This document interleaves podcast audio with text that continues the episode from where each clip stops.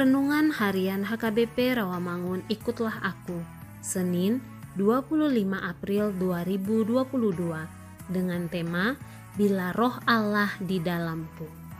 Bacaan kita pada pagi hari ini diambil dari 1 Petrus pasal 2 ayat 11 sampai dengan ayat 25 dan bacaan kita pada malam hari ini diambil dari Ayub pasal 8 ayat 1 sampai dengan ayat 22.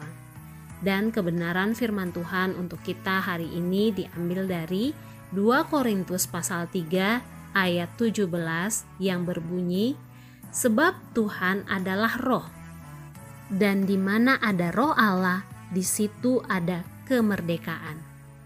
Sahabat ikutlah aku yang dikasihi Tuhan Yesus. Renungan hari ini mengenai peran Roh Kudus memelihara kemerdekaan orang percaya. Di mana ada Roh Allah, di situ ada kemerdekaan. Menjadi manusia merdeka bukanlah tugas yang mudah.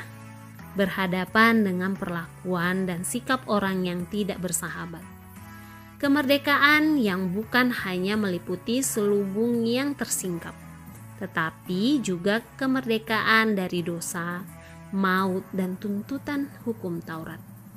Pada saat dimerdekakan, orang akan memancarkan kemuliaan Tuhan, bukan hanya di wajah, tetapi dalam hidup dan terpancar melalui karakter.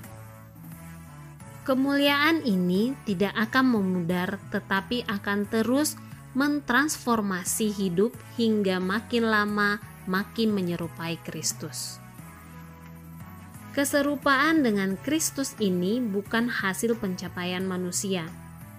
Itu merupakan pertumbuhan yang dihasilkan oleh karya dan kuasa Roh Kudus.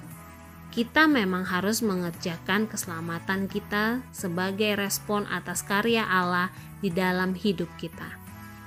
Kita sadar bahwa proses transformasi menuju keserupaan dengan Kristus tidaklah selalu lancar dan mudah, karena merupakan arena peperangan melawan dosa dan si jahat.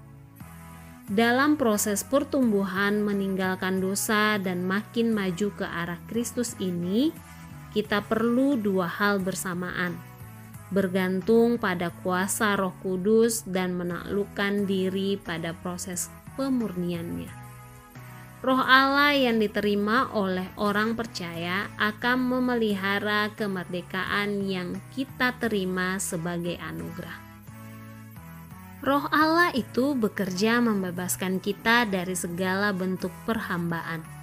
Kita tahu sekarang bahwa Allah turut bekerja dalam segala sesuatu untuk mendatangkan kebaikan bagi mereka yang mengasihi Dia, yaitu bagi mereka yang terpanggil sesuai dengan rencana Allah.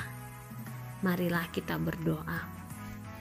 Kami bersyukur karena rohmu ya Tuhan selalu ada dalam diri kami yang membebaskan dan semakin mendekatkan kami mengenal Engkau penebus kami dari dosa.